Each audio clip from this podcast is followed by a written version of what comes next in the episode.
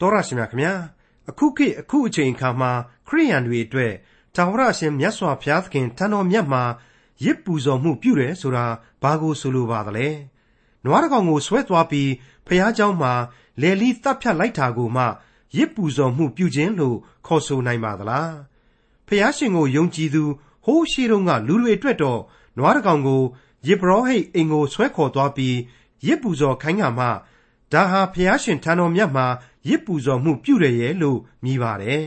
ဒါပေမဲ့လို့ဒီကနေ့ဒီအချိန်ဒီကာလမှာရောအဲ့ဒီအတိုင်းပြုဖို့လိုအပ်ပါသေးသလားမလိုအပ်တော့ဘူးဆိုရင်ဘာကြောင့်များမလိုအပ်ပါသလဲဒါဆိုရင်အခုခေတ်ဘုရားရှင်ထံတော်မြတ်မှာရစ်ပူဇော်မှုကိုဘယ်လိုပြုရမှာဖြစ်ပါသလဲဟိုးရှေးတုန်းကဘုရားရှင်ထံတော်မှာရစ်ပူဇော်မှုပြုပုံနဲ့ဒီကနေ့ခရိယန်တွေဘယ်လိုရစ်ပူဇော်မှုကို ပြုကြရမလဲဆိုတာခွဲခြားတွေ့မြင်ရမှာဖြစ်တဲ့ ခရိယန်တမန်ကျမ်းဓမ္မဟောင်းကျမ်းပိုင်းတွေကစရုပ်ထမြောက်ဆာလံကျမ်းကိုဒီကနေ့သင်သိရသောတမန်ကျမ်းအစီအစဉ်မှာလေ့လာမှာဖြစ်ပါတယ်ခရိယန်သင်းအုပ်တရားဟောဆရာတွေခရိယန်ခေါင်းဆောင်ကြီးတွေမှာမှ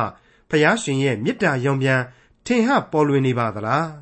တာမန်ခရိယန်တွေမှာလည်းပေါ်လွင်နိုင်တယ်ဆိုတာဖော်ပြခြင်းနဲ့အတူ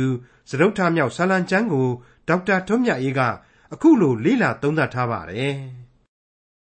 ဒီကနေ့အဖို့မှာတော့ ဆာလံတီချင်းအမှတ်စဉ်၄ဟာကျွန်တော်တို့ကိုစောင့်စားနေပါတယ်၄ခုမြောက်သောဆာလံပေါ့ဒီကျမ်းကိုအင်္ဂလိပ်သမားကျမ်းစာမှာဖော်ပြရမှာတော့ to the chief musician on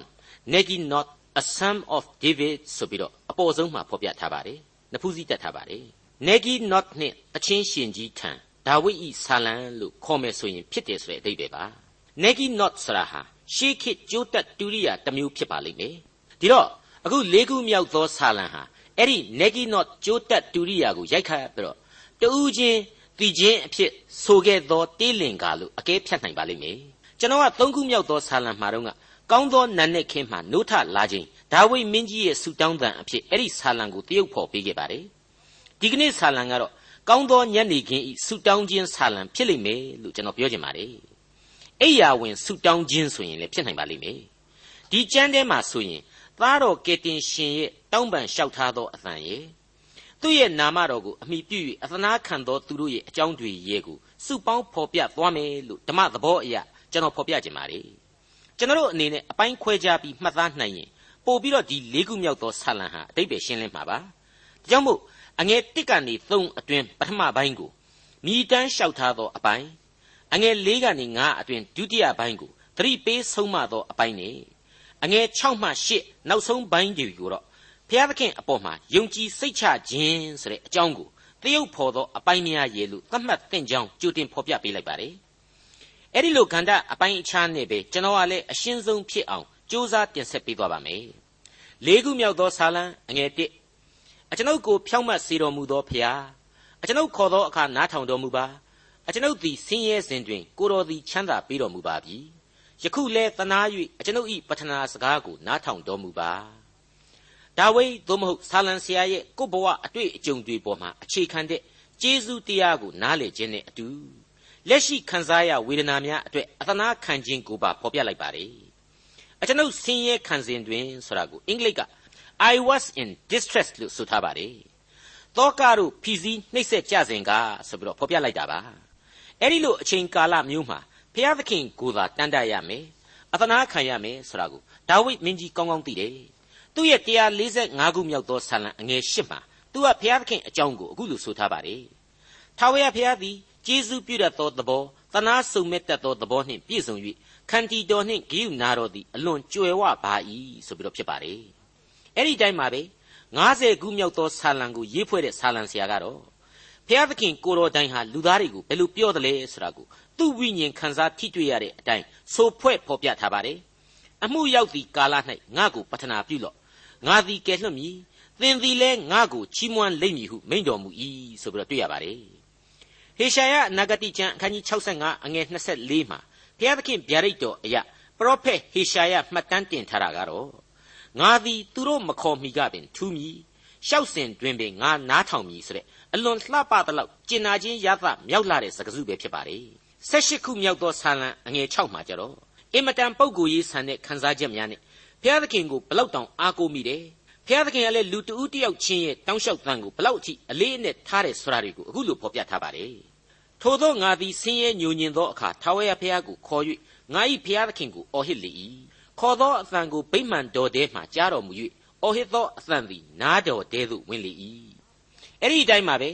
ငါမူကားဘုရားသခင်ကိုပထနာပြု၍ထာဝရဘုရားသည်ကယ်တင်တော်မူမည်ဆိုပြီးတော့55ခုမြောက်သောဆာလံအငယ်16မှာတွေ့ရတဲ့အချိန်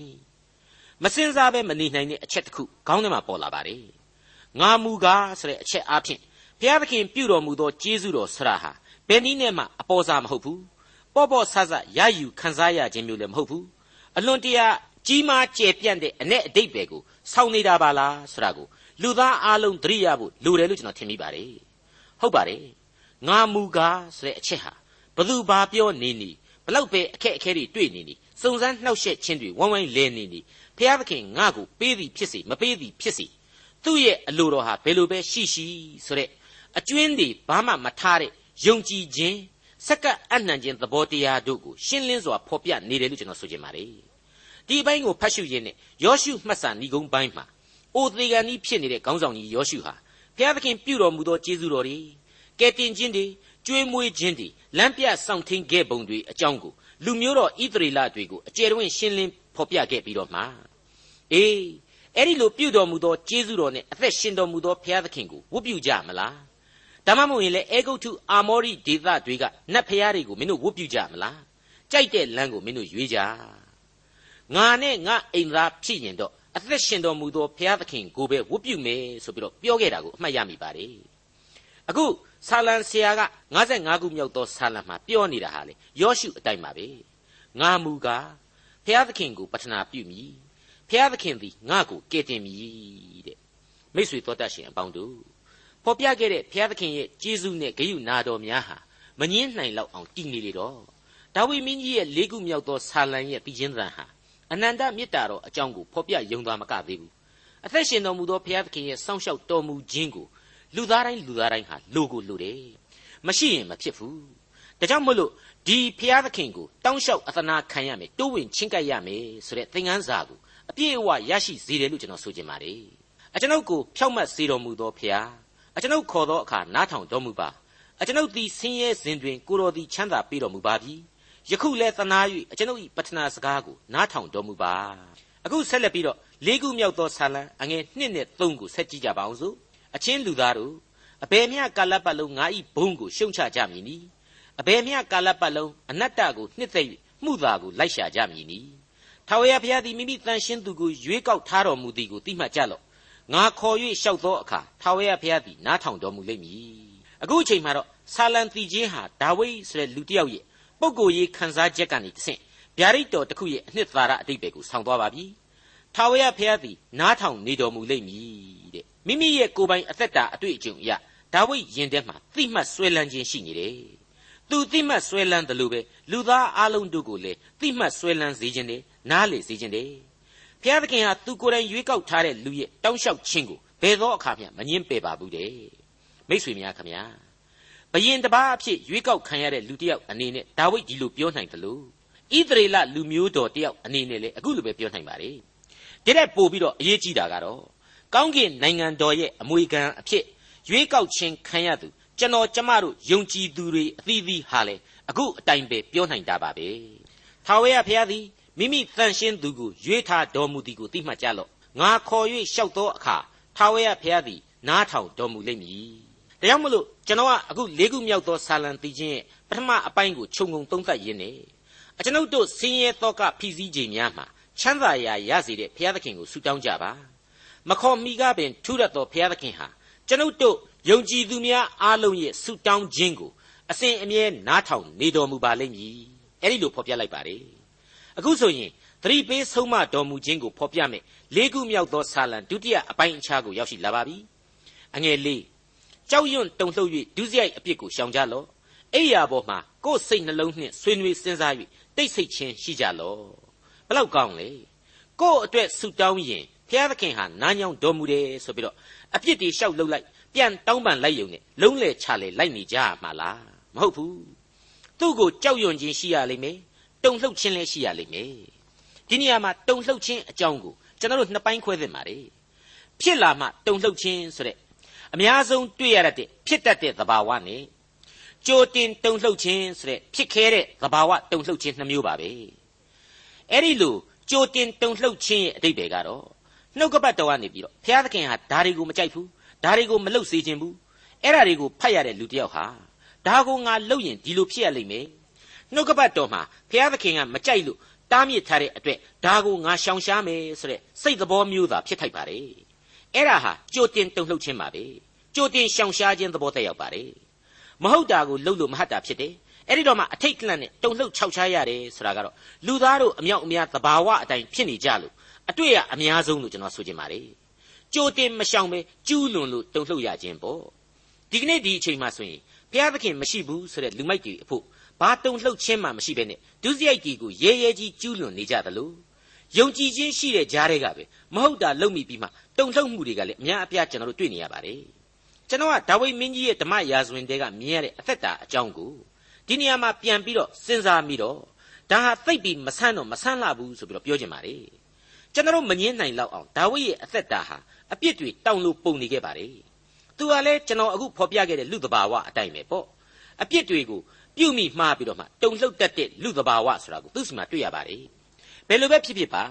အဲ့ဒီလိုမိုက်မှားသူလူကြီးဟာအခုအချိန်မှာတော့သူ့ရဲ့ဘဝအတွေ့အကြုံတွေနဲ့ယဉ်ပြီးတော့ဘုရားသခင်ကိုကြောက်ရွံ့ကြပါကြိုတင်ပြီးတော့သတိထားရင်းနဲ့ဒုစရိုက်တွေကိုရှောင်ရှားကြပါလို့ဆုံးမလိုက်တယ်လို့ကျွန်တော်ခံယူပါတယ်ဟုတ်ပါတယ်လူမိုက်နောင်တနောင်မရဆိုတာမျိုးဟာပြက်တဲ့နေရာမှာအစဉ်ဖြစ်ပြီးတော့ပြင်လို့မရတဲ့အထိအကျွင့်မဲ့အခြေအနေဇိုးကြီးကိုဆက်ရောက်သွားစေတတ်တယ်လို့ကျွန်တော်သတိပေးလိုက်ပါရစေ မိษွေတို့ကျွန်တော်တို့ရဲ့လက်ရှိအခြေအနေကလေးနဲ့အံဝင်ခွင်ကြဖြစ်သွားရတဲ့နောက်ဆက်တွဲဖော်ပြချက်ကတော့အိယာပေါ်မှာကိုယ်စိတ်နှလုံးနဲ့ဆွေးနွေးစဉ်းစား၍တိတ်ဆိတ်ခြင်းရှိကြလောဆိုတဲ့အချက်ပါဟုတ်ပါတယ်အခုအဖန်လွှင့်နေတဲ့အချိန်ဟာညအချိန်သာဖြစ်ရင်ကျွန်တော်တို့မကြခင်အိယာဝင်ကြရတော့မဟုတ်ဘူးလားအိယာပေါ်မှာဆူတောင်းပြီးတဲ့နောက်ချက်ချင်းစဉ်းစားဖို့ဆာလံတီချင်းဟာနှိုးဆော်တိုက်တွန်းလိုက်ပြီစဉ်းစားစရာဟာလေတခြားခေါင်းစဉ်တွေရှာနေဖို့မလိုတော့ပဲဒီကနေ့သင်ခန်းစာဖြစ်တဲ့ သရုတ်ထမြောက်သောဆာလံသင်ခန်းစာတွေကိုသာစတင်စဉ်းစားကြပါလို့အကြံပေးလိုက်ပါတယ်အငယ်ငါတရားသဖြင့်ရစ်ပူဇော်၍ထာဝရဘုရားကိုကူးစားကြလော့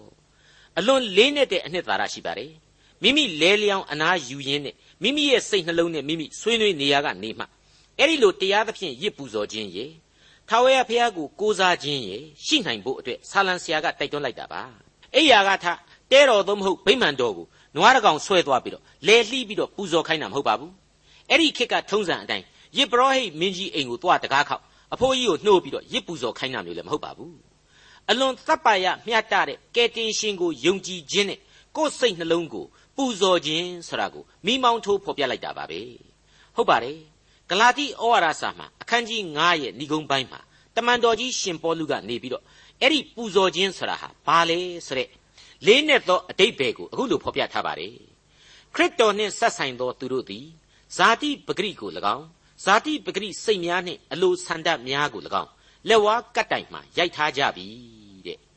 ပြီးတော့ပရောဖက်ရှမွေလကနေပြီးတော့ရှောလူဆိုတဲ့ဣသရေလမင်းဆက်ရဲ့ပထမမြောက်ဘုရင်ကြီးကိုမှတ်မှတ်ရရပြောခဲ့တာရှိပါသေးတယ်ထာဝရဘုရား၏အမိန့်တော်ကိုနားထောင်ခြင်း၌အာရတော်မူတကဲ့သို့မိရှုရာရစ်အစရှိသောရစ်မျိုးတို့ကို ပူဇော်ခြင်း၌အာရတော်မူမည်လောတဲ့အဲ့ဒီလိုကယ်တင်ရှင်ကိုယုံကြည်ခြင်းနဲ့ကယ်တင်ရှင်ရဲ့အလိုတော်ကိုလိုက်နာခြင်းဆရာဟာတရားသဖြင့်ရစ်ပူဇော်ခြင်းပဲဖြစ်ပါလေထာဝရဘုရားကိုကိုးစားခြင်းရှိလောဆိုတဲ့အချက်နဲ့ပတ်သက်ပြီးတော့သိပြီးတော့အကျယ်တဝင့်ရှင်းလင်းစရာတော့လိုမယ်မဟုတ်တော့ပါဘူးဓမ္မတိချင်းတစ်ပိုက်မှာကိုးစားနာထောင်ခြားသောလမ်းရှာမတွေ့ယေရှု၌ချမ်းသာရအောင်ကိုးစားနာထောင်ကြလေဆိုတဲ့တိုက်တွန်းဆုံးမဩဝါဒပြုထားတာကိုဖော်ပြထားပါတယ် အခြားသောလမ်းကိုမတွေ့ဘူးဆိုရင်ယေရှု၌အသက်ချမ်းသာခြင်းရှိနေတယ်လို့ကျွန်တော်တင်ပြလိုက်ပါရစေမိတ်ဆွေတို့ခမညာ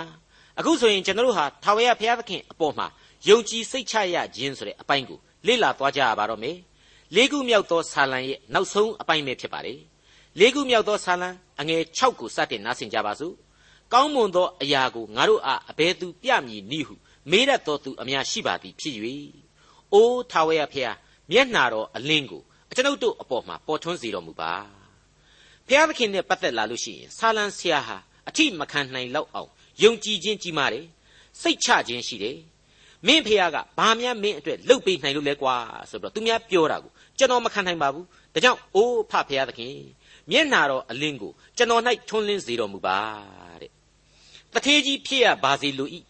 ရာဇပလင်ပေါ်မှာစွေကနေပြန်ပြီးရောက်ရပါစေလိုဤဆိုတဲ့သဘောမျိုးသူစုမတောင်းပါဘူးဖရာသခင်ရဲ့မျက်နာတော်အလင်းဟာကိုယ်စီကနေရောင်ပြန်ဟပ်ပါစေလို့ဆိုလိုတာပါပဲတနည်းအားဖြင့်ဆိုရရင်တော့ဘုရားသခင်ဘုန်းတော်ဟာကိုယ့်ရဲ့အသက်တာစီကနေတဆင့်သူများထိတွေ့ခွင့်ပြုပါဆိုတဲ့အလွန်ကောင်းမွန်တဲ့ဆုတောင်းချက်ပဲဖြစ်ပါတယ်အဲ့ဒါကိုမဖြစ်နိုင်ဘူးများသွားမထင်နဲ့နော်ဘာသင်းရုပ်ဆရာဘာဓမ္မဆရာမှမဟုတ်တဲ့ရိုးရိုးလူ ဘသူဒုက္ခရောက်တယ်လဲနေမကောင်းဖြစ်တယ်လဲငတ်နေတယ်လဲဆိုတာကိုအမြဲနားဆွင့်ပြီးတော့မရှိရှိတာလေးနဲ့အမြဲပြည့်ပြည့်ပြီးကုညီမဆနေတဲ့လူတယောက်သူ့စီမှာအလိုလိုဘုရားသခင်ရဲ့မေတ္တာရောင်ပြန်ဟပ်နေတာကိုကျွန်တော်တွေ့ဘူးပါတယ်မိษွေတို့လည်းဒီလိုပုံကူမျိုးတွေကိုတွေ့ဘူးလိမ့်မယ်လို့ကျွန်တော်ထင်ပါတယ်ဓမ္မဆရာကြီးတွေထဲမှာလည်းဒီလိုပါပဲကျွန်တော်တခါကပြောဘူးတဲ့ဓမ္မဆရာဖိုးဖိုးကြီးအသက်60အထိမဆုတ်မနစ်တောအသင်းတော်ကလေးမှာအသက်ကိုကားတိုင်းတော်အတွက်လုံးဝပုံအောပြီးတော့အမှုတော်ဆောင်ပြီးတော့ သေပြန်တော့လဲတောမှာပဲသေသွားတဲ့ဖိုးဖိုးကြီးပေါ့ဖိုးဖိုးကြီးဥထွန်းဖေတဲ့ဝနဲ့ချောင်းရွှေပြည်အသင်းတော်ကလေးမှာပဲခေါင်းချသွားခဲ့ရှာတယ်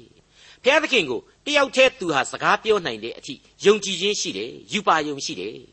ဒီတော့စက္ကအနှံနိုင်မှုဟာလည်းဘာမှမဆန်းဘူးဘုရားသခင်ကလည်းသူ့ကိုအဲ့ဒီလိုပဲဘုရားသခင်ရဲ့မျက်နာတော်အလင်းလို့ဆိုနိုင်တဲ့မေတ္တာရောင်ချီဖြာနေစေတဲ့အသက်တာဖြစ်စေခဲ့ပါတယ်ဒီလိုပဲပေါ့ ကျွန်တော်တဲ့နည်းနည်းကလေးပဲအသက်ကြီးတဲ့ညီလိုအကိုလိုချစ်ရတဲ့ဓမ္မဆရာတယောက်ပုဂ္ဂိုလ်ရေးဆံမှာဆိုလို့ကျွန်တော်နာမည်တော့ထည့်မပြောတော့ပါဘူးရှိသမျှစွန့်တယ်လို့တော့လည်းကျွန်တော်မဆိုလိုပါဘူးဒါပေမဲ့သူ့အတိုင်းအတာနဲ့သူသူများကိုအမြဲပဲအင်တိုက်အားတိုက်ကူညီတတ်တယ်မရှိရှိတာလေးနဲ့အမှုတော်ကိုစောင့်နေအဲ့ဒါနဲ့ပဲသူရောက်လေရအရရမှာအသင်းတော်ကလေးတွေဖြစ်လာတဲ့အထိဘုရားသခင်ရဲ့မေတ္တာတော်အလင်းဟာရောင်ပြန်ဟပ်စေခဲ့ပါတယ် အဲ့ဒီလိုမေတ္တာရောင်ချီကြောင့်ပဲဆရာကြီးဦးအောင်တင်တို့တရာမူလာတို့လိုလူကြီးတွေနေစွန်နေပြားကပြည်တော်စုသားတွေကိုခရစ်တော်ကိုသိစေခဲ့တာပဲဆိုတာဟာလေရှင်းနေတဲ့ကိစ္စပါမိษွေအပေါင်းတို့ခမညာအဲ့ဒီလိုနှိုင်းရှင်ချက်သရုပ်တွေကိုဖော်ပြရတော့အမှုတော်ဆောင်လို့သာပြောတယ်ဘုရားသခင်မျက်နှာတော်အလင်းကိုလင်းစေဖို့နေနေသားသားတွေ့သမျှလူနဲ့ရံဖြစ်နေတဲ့ပုံကိုကြီးမျိုးတွေလည်းရှိတတ်တယ်ဆိုတာကိုကျွန်တော်ကသတိရမိပြန်ပါတယ်ဒါကိုကျွန်တော်ပြောကျင်တာကဘုရားသခင်ကိုရှာဖွေနေတဲ့လူတွေဟာ မျက်နာတော်အလင်းလို့ဆိုရမယ်ဘုရားသခင်မေတ္တာတော်ကိုလူတွေစီမှာကြည့်ပဲမကြည့်သင့်ပြန်ဘူးကိုယ့်အသက်တာခံစားချက်တွေဘဝအတွေ့အကြုံတွေအားဖြင့်လေဘုရားသခင်ရဲ့မျက်နာတော်အလင်းကိုရှာဖွေသင့်တယ်ဆိုတာကိုဒီနေရာမှာကျွန်တော်ပြောလိုက်ချင်တာပါပဲလေးခုမြောက်သောဆာလံအငယ်ခုနှစ်သူတို့၌ဆန်စပါးစပြည့်ရည်ပေါ်များ၍သူတို့ဝမ်းမြောက်ခြင်းရှိသည်တဲ့အကျွန်ုပ်ကိုသာ၍ဝမ်းမြောက်စေတော်မူပါတချို့တချို့က ဝရူဝရူဖတ်ပြီးတော့မစင်မစားပဲနဲ့ဒါဝိဒ်ဟာသူများအပေါ်မှာစိတ်ယုတ်စိတ်ပုတ်ရှိတယ်တဲ့ဘုရားသခင်ကျေးဇူးကိုသူတယောက်တည်းပဲမောင်ပိုင်စီးကျင်တယ်တဲ့မဟုတ်ပါဘူးအဲ့ဒီအချိန်ကာလဟာပြည်တွင်းစစ်ကြီးဖြစ်နေလို့ရန်သူတွေဝိုင်းဝိုင်းလည်နေတဲ့အချိန်ဖြစ်ပါတယ်ပြီးတော့အဲ့ဒီလူတွေဟာသူ့ကိုစောစောကကျွန်တော်တို့ကြားခဲ့ရတဲ့အတိုင်းပဲမင်းဖေကဘာများမင်းကိုလှုပ်ပေးလို့လဲကွာဆိုပြီးတော့ဝိုင်းပြီးတော့နောက်ပြောင်နေတဲ့အဖွဲတွေဖြစ်ဖို့များပါတယ်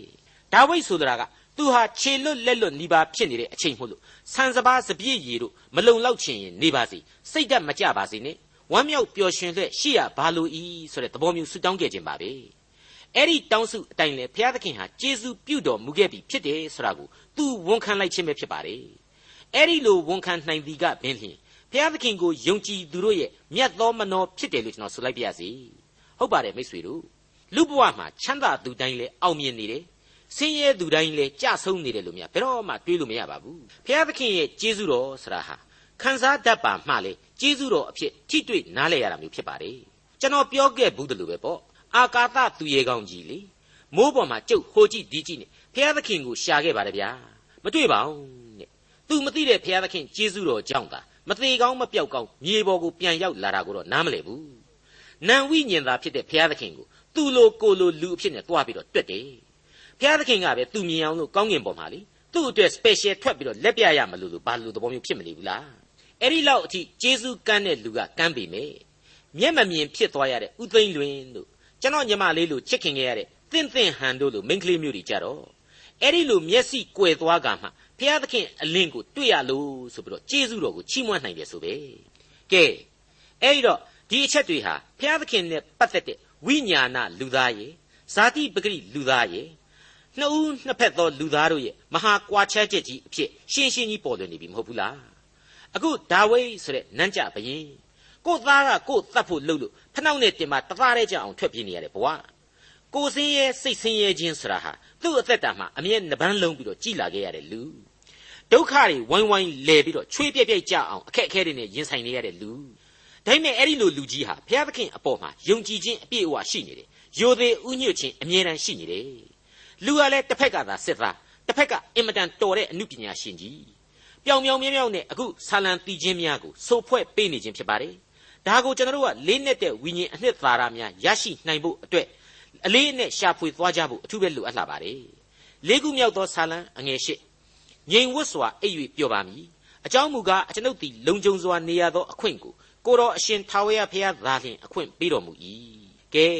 ကျွန်တော်ပြောခဲ့တဲ့အတိုင်းပဲ တတိယမြောက်ဆာလံသို့မဟုတ်သုံးခုမြောက်သောဆာလံဟာကောင်းသောနတ်နှစ်ခင်းရဲ့ဆုတောင်းခြင်းလင်္ကာဖြစ်ခဲ့တယ်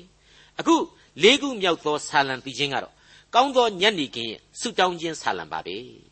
အိယာဝင်ကန်ဤရွတ်ဆိုအပ်သောဆာလံပါပဲကောင်းသောညနေခင်းလို့ကျွန်တော်ဖော်ပြခဲ့ပါတယ်နော်ကောင်းတယ်ဆိုလို့ဘာတွေများကောင်းတာတွေတော့ယေရုရှလင်သို့မဟုတ်ဒါဝိဒ်ဤမြို့တော်ကနန်းတော်ကြီးထဲမှာမောက်မမိတ်ဆန်နေနဲ့စပြည့်ရီတောက်ပြီးတော့မြူးနေရွှင်နေရလို့ကောင်းတာတယ်လား တိုင်းပြည်ကြီးတစ်ခုလုံးကနေပြီးတော့ရှင်ဘရင်ကြီးဘုံကြီးပါစေသက်တော်ရာကျော်ရှေးပါစေဆိုလို့ကောင်းသောညံ့နေခင်ဖြစ်နေတာတဲ့လားမဟုတ်ပါဘူးယေရုရှလင်ကနေမှတဖန်ကေဒရုံဆိုတဲ့ချောင်းကလေးကိုဖြတ်ပြီးတော့ထွက်ပြေးနေရတဲ့အချိန်ဘယင်မိန်အမျိုးတွေကရှောလူအဆက်အနွယ်ဖြစ်တဲ့ကြက်မပြည့်သူဟောတော်တော်လူတယောက်ကနေပြီးတော့ခဲနဲ့ထုပြီးတော့ကျိန်ဆဲတာကိုတောင်မှခေါင်းငုံပြီးခံခဲ့ရတဲ့အချိန်သားအရင်ခောက်ခောက်ကပဲကိုယ့်ကိုတတ်မလားကိုယ့်ရဲ့ညာလက်ယုံဘဲလက်ယုံလူတွေကပဲကိုယ့်သားကို ဥအောင်တတ်ကြမလားဘယ်ဘက်ကမှတွေးကြည့်လိုက်ရင်စိတ်ချမ်းသာစရာအကြောင်းမရှိတဲ့အချိန်ကြီးဖြစ်ပါတယ်ကိုယ့်ကိုအင်မတန်ချစ်ပါတယ်ဆိုတဲ့ပြည်သူတွေရဲ့နှလုံးသားတွေကတောင်မှကိုယ့်ဘက်မှာမရှိတော့တဲ့အချိန်ကြီးဖြစ်နေပြီမဟုတ်ဘူးလားအဲ့ဒီလောက်အထိရုပ်ပိုင်းဆိုင်ရာဘဝအခြေအနေအရရက်တို့ဟာတခုမှစိတ်မသက်သာပွဲဖြစ်နေရပါတော့ဒါဝိဒ်အတွက်ကတော့ကောင်းသောညနေခင်းသာလျှင်ဖြစ်ခဲ့တာအမှန်ပါပဲဘာဖြစ်လို့လဲဆိုတော့သူဟာဘုရားသခင်ကိုချစ်တယ်ယုံကြည်တယ်ကိုးစားတယ် ဘုရားသခင်ရဲ့အလိုတော်ကိုအကျွင့်မဲ့ဝန်ခံတယ်ထာဝရဘုရား၏တရားတော်၌မွေ့လျော်၍တရားတော်ကိုနေညံ့မပြတ်ဆင်ခြင်အောက်မေ့တော်သူလည်းဖြစ်ခဲ့ပါတယ်ဒီတော့သူဟာအလိုအလျောက်မင်္ဂလာရှိနေတယ်ကျွန်တော်ကြားနာခဲ့ရပြီးပြီလေထာဝရဘုရား၏တရားတော်၌မွေ့လျော်၍တရားတော်ကိုနေညံ့မပြတ်ဆင်ခြင်အောက်မေ့တော်သူသည်မင်္ဂလာရှိ၏လို့ဆိုထားတယ်မဟုတ်ဘူးလားပြီးတော့မှအကြောင်းမူကားထိုသူသည်မျက်နှာမှစိုက်လျက်မိမိအချိန်တန်မှအသီးကိုတီး၍အရွက်မညှိုးနွမ်းတတ်သောအပင်နှင့်တူ၏ ပြုလေသမျှတို့၌အောင်လိမ့်တည်းသင်သိရသောသမာကျမ်းရဲ့မိတ်ဆွေတော်တတ်ရှင်အပေါင်းတို့ခမညာမိတ်ဆွေတို့အတွက်ကောင်းသောညနေခင်းဖြစ်ပါစေလို့ကျွန်တော်ဆုတောင်းပေးပါတယ်မိတ်ဆွေတို့အိယာဝင်တဲ့အချိန်မှာဒီဆုတောင်းခြင်းကိုပြန်လဲဆင်ခြင်နှလုံးသွင်းနိုင်ဖို့အတွက်ကျွန်တော်ဒါဝိဒ်မင်းကြီးရဲ့လေးခုမြောက်သောဆာလံကိုတကြော့ပြန်ဖတ်ပြပါရစေအကျွန်ုပ်ကိုဖြောက်မှတ်စေတော်မူသောထာဝရဘုရားအကျွန်ုပ်ခေါ်သောအခါနားထောင်တော်မူပါအကျွန်ုပ်သည်ဆင်းရဲစဉ်တွင် ကိုတော်သည်ချမ်းသာပေးတော်မူပါပြီယခုလဲသနာ၍အကျွန်ုပ်ဤပထနာစကားကိုနားထောင်တော်မူပါအချင်းလူသားတို့အဘယ်မျှကာလပတ်လုံးငါဤဘုန်းကိုရှုံချကြမည်နီအဘယ်မျှကာလပတ်လုံးအနတ္တကိုနှစ်သက်၍မှုသာကိုလိုက်ရှာကြမည်နီထာဝရဘုရားသည်မိမိတန်ရှင်းသူကိုရွေးထားတော်မူသည်ကိုသိမှတ်ကြလော့ငါခေါ်၍လျှောက်သောအခါထာဝရဘုရားသည်နားထောင်တော်မူလိမ့်မည်ကြောက်ရွံ့တုန်လှုပ်၍ဒုစရိုက်အပြစ်ကိုရှောင်ကြလော့ အိယာပေါ်မှာကိုယ်စိတ်နှလုံးနှင့်ဆွေးနွေးစဉ်းစား၍တိတ်ဆိတ်ခြင်းရှိကြလော့တရားသဖြင့်ရစ်ပူဇော်၍ထာဝရဘုရားကိုကိုးစားကြလော့ကောင်းမွန်သောအရာကိုငါတို့အားအဘယ်သူပြမည်နည်းဟုမေးရတော်သူအများရှိပါသည်ဖြစ်၍အိုးထာဝရဘုရားမျက်နာတော်အလင်းကိုကျွန်ုပ်တို့အပေါ်မှာပေါ်ထွန်းစေတော်မူပါသူတို့၌ဆန်စပါးစပြည့်ပေါ်များ၍သူတို့ဝမ်းမြောက်ခြင်းရှိသည်တဲ့အကျွန်ုပ်ကိုသာ၍ဝမ်းမြောက်စေတော်မူ၏ငြိမ်ဝတ်စွာအိပ်၍ပျော်ပါမည် အကြောင်းမူကားအကျွန်ုပ်သည်လုံခြုံစွာနေရသောအခွင့်ကိုကိုတော်အရှင်ထာဝရဘုရားသာလျှင်အခွင့်ပေးတော်မူ၏မိษွေတော်တတ်ရှင်အပေါင်းတို့ခမညာဆာလံဆရာဒါဝိဒ်မင်းကြီးရဲ့ဒီညနေခင်းကျေးဇူးတော်ချီးမွမ်းခြင်းနဲ့ဆုတောင်းခြင်းအသံတို့ရဲ့နောက်ွယ်မှာကျိုးပဲ့ကြေးမွသောခံစားချက်အခြေခံများရှိနေပါတယ်လောကရန်စိတ်ဆင်းရဲခြင်းများဝိုင်းဝိုင်းလေလျက်ရှိနေပါတယ်ကဲတင်ရှင်မှတပါအခြားအားကိုးစရာဘာမှမရှိတဲ့ဘဝအခြေအနေတွေဟာ သူ့ကိုပတ်ချလဲအောင်နှောင်ဖွဲ့လျက်ရှိနေကြပါတယ်အဲ့ဒီလိုဒုက္ခအချိန်ကာလအဖြစ်အပျက်တွေအလုံးစုံတို့ဟာကတ်ကာလအချိန်လူသားတို့ခံစားရမယ့်ဒုက္ခဆင်းရဲခြင်းတွေကိုရောင်ပြန်ဟပ်ဖော်ပြနေခြင်းပဲလို့ဓမ္မသဘောအရာကျွန်တော်တို့ခံစားနားလည်နိုင်ပါ रे ကျွန်တော်ဖို့ကယ်တင်ရှင်သခင်ခရစ်တော်ပေးသနာတော်မူခဲ့တဲ့ကယ်တင်ခြင်းကျေးဇူးတော်ကိုခံယူယုံကြည်ခြင်းတရားကိုစောင့်ရှောက်ရင်းနဲ့ ခရစ်တော်ကယ်တင်ရှင်ဒုတိယအကြိမ်ကြွလာတော်မူခြင်းကိုစောင့်စားကြရမှာဖြစ်ပါတယ်ခရစ်တော်ဘယ်အချိန်ဘယ်နာရီမှကြွလာတော်မူမယ်ဆိုတာကိုဘယ်လူသားကမှအတိအကျမသိနိုင်ပါဘူးနှုတ်ကပတ်တော်ထဲမှာလည်းအတိအကျဖော်ပြမထားပါဘူးဒါမဲ့ဒီသခင်ဟာတန်လှန်တန်နဲ့ကြွလာပြီးတဲ့နောက်မြေအိုးကိုခွဲတဲ့ကဲ့သို့ခွဲဖြက်လိမ့်မည်ဆိုတာကိုနားလေသဘောပေါက်နိုင်အောင်လို့ဆာလံတီချင်းအမှတ်စဉ်နှစ်မှာကျွန်တော်တို့ကြားနာခဲ့ကြပြီးပါပြီ သင်သည်သူတို့ကိုတန်လှန်တန်နှင့်အုပ်ဆိုး၍မြေအိုးကိုခွဲဖြက်တဲ့ကဲ့သို့ခွဲဖြက်လိမ့်မည်ဟုငါအားမိန့်တော်မူပြီလို့ဆိုထားခဲ့ပြီမဟုတ်ဘူးလားဒါကြောင့်မို့လို့လေဆာလံဆရာဒါဝိဒ်မင်းကြီးဟာအဲ့ဒီဒုတိယမြောက်ဆာလံမှာပဲဆက်လက်ဖော်ပြလိုက်တာကတော့တို့ဖြစ်၍ရှင်ဘရင်တို့ပညာသတိရှိကြလော့လောကီမင်းတို့ဆုံးမခြင်းကိုခံကြလော့ကြောက်ရွံ့သောစိတ်နှင့်ထာဝရဘုရား၏အမှုတော်ကိုထမ်းရွက်၍တုန်လှုပ်ခြင်းနှင့်ဝမ်းမြောက်ကြလော့သားတော်ကိုနမ်းကြလော့ သို့မဟုတ်လျှင်အမျက်တော်ထွက်၍သင်တို့သည်လမ်း၌ပျက်စီးခြင်းသို့ရောက်ကြလိမ့်မည်အမျက်တော်သည်ချက်ချင်းထွက်လိမ့်မည်သားတော်ကိုကိုးစားသောသူအပေါင်းတို့သည်မင်္ဂလာရှိကြ၏ဆိုပြီးတော့လေဆက်လက်ဖော်ပြသွားခဲ့ပါတယ်မိษွေတော်တတ်ရှင်အပေါင်းတို့ခမညာဆာလံဆရာယူပါယုံထဲမှာမြင်တွေ့ခန်းစားခဲ့ရတဲ့တရားစီရင်ခြင်းရဲ့သဘောကိုစင်ကြင်နှလုံးသွင်းကြပြီးတဲ့နောက်ကယ်တင်ရှင်သခင်ခရစ်တော်ကိုကိုးစားနိုင်ကြပါစေ မိမိတို့ရဲ့စိတ်ဝိညာဉ်စိတ်နှလုံးများနဲ့တိုင်ပင်ဆွေးနွေးရင်းနဲ့ငြိမ်ဝတ်စွာအိပ်၍ပျော်ဖို့အခွင့်နောက်တနေ့နံနက်မှာရှင်လန်းစွာနိုးထရဖို့အခွင့်များကိုမိษွေတို့အားလုံးခံစားရရှိကြပါစေလို့တင်ပြရသောတမန်ကျမ်းမှဆုတောင်းပေးလိုက်ပါတယ်ဒေါက်တာထွန်းမြတ်အေးစီစဉ်တင်ဆက်တဲ့တင်ပြရသောတမန်ကျမ်းအစီအစဉ်ဖြစ်ပါတယ်နောက်တစ်ချိန်အစီအစဉ်မှာခရိယန်တမန်ကျမ်းဓမ္မဟောင်းကျမ်းပိုင်းထဲမှာပါရှိတဲ့ ပြင်စမမြောက်ဆာလံကျမ်းကိုလေ့လာမှဖြစ်တဲ့အတွက်စောင့်မျှော်နားဆင်နိုင်ပါတယ်။